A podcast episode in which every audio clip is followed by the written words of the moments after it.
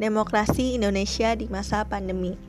Membicarakan kondisi demokrasi Indonesia dan arah perkembangannya pada pembahasannya akan berhubungan dengan kondisi pandemi COVID-19 yang terjadi saat ini.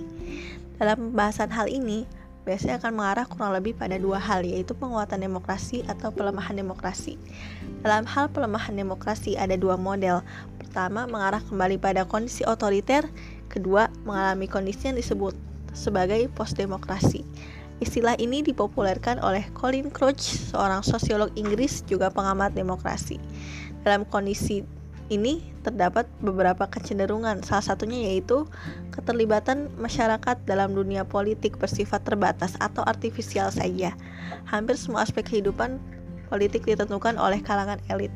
Beberapa kecenderungan inti postdemokrasi di atas pada umumnya terjadi di Indonesia. Inilah yang menyebabkan secara substansi demokrasi kita menjadi elitis dan dikangkangi oleh kekuatan oligarki yang sulit ditandingi. Ini terjadi baik pada level nasional maupun lokal. Dengan kondisi demikian muncullah demokrasi tanpa demos. Fenomena ini bukan hanya terjadi pada saat ini, namun telah memiliki gejala-gejala sejak awal reformasi. Secara spesifik setidaknya ada beberapa karakteristik demokrasi di Indonesia saat ini yang mencerminkan demokrasi tanpa demos. Yaitu pertama ada lemahnya pelaksanaan checks and balance. Ini terlihat dari lemahnya peran partai, DPR kehakiman, dan lain sebagainya di hadapan eksekutif. Kedua, meredupnya sikap kritis civil society baik pers, LSM, akademisi, dan sebagainya sebagai mitra pemerintah dan pemungkaman kalangan aktivis kritis. Akibatnya demokrasi kita sejatinya tengah tumbuh dalam tanah yang gersang. Ketiga, lemahnya penerapan nilai-nilai demokrasi baik pada level elit maupun masyarakat. Seiring dengan meningkatnya oportunisme di kalangan elit dan meredupnya pendidikan politik serta melemahnya ekonomi masyarakat. Dengan beberapa karakteristik itu tidak mengherankan jika nilai demokrasi Indonesia menjadi jeblok dan pada keadaan ekosistem saat pandemi ditandai dengan pemerintahan yang diperkuat guna menangani krisis. Dalam setiap krisis, krisis ada tendensi penguatan peran penguasa, baik dengan alasan yang terkait kebencanaan ataupun krisis lainnya. Atas nama memulihkan krisis, pemerintah dapat melakukan segala sesuatu yang dianggap penting. Dengan kondisi ini, terasa sekali nuansa penguatan peran dan kedudukan pemerintah atau negara sehingga tampak seolah seperti bringing the state back in yaitu sebuah fenomena yang dibayangkan dalam sebuah buku yang disunting oleh Peter Evans, Dietrich Rushmeyer, dan Thaddeus Koppel.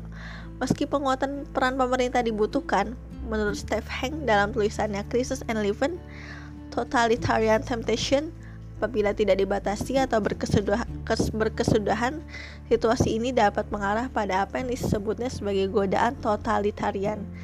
Selain itu, menurut Hang Heng, tanpa adanya kebijakan yang tepat dan dapat dikontrol dengan efektif, situasi ini dapat menciptakan oportunis atau pembajak kepentingan yang membahayakan kepentingan rakyat dan akhirnya eksistensi negara.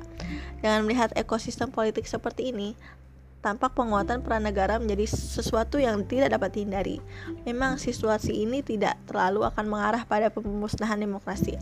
Namun manakala itu tidak sesuai takaran atau periode waktu yang dibatasi, maka akan berpotensi melanggengkan kuasa, kekuasaan menuju godaan totalitarian atau setidaknya akan membawa pada pelemahan demokrasi karena adanya tendensi pemerintahan yang terpusat dan memunculkan para oportunis atau oligarki.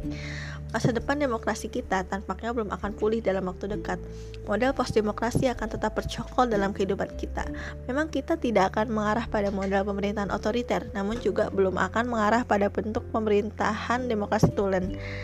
Berbagai indikasi menjelang dan saat terjadinya pandemi COVID-19 tidak menunjukkan tanda-tanda yang mengarah pada dukungan bagi perbaikan demokrasi. Oleh karena itu tidak ada pilihan bagi kalangan civil society untuk bangkit kembali, memainkan peran aslinya dalam melindungi dan menyuburkan kehidupan demokrasi kita, baik pada masa pandemi COVID-19 ataupun sesudahnya.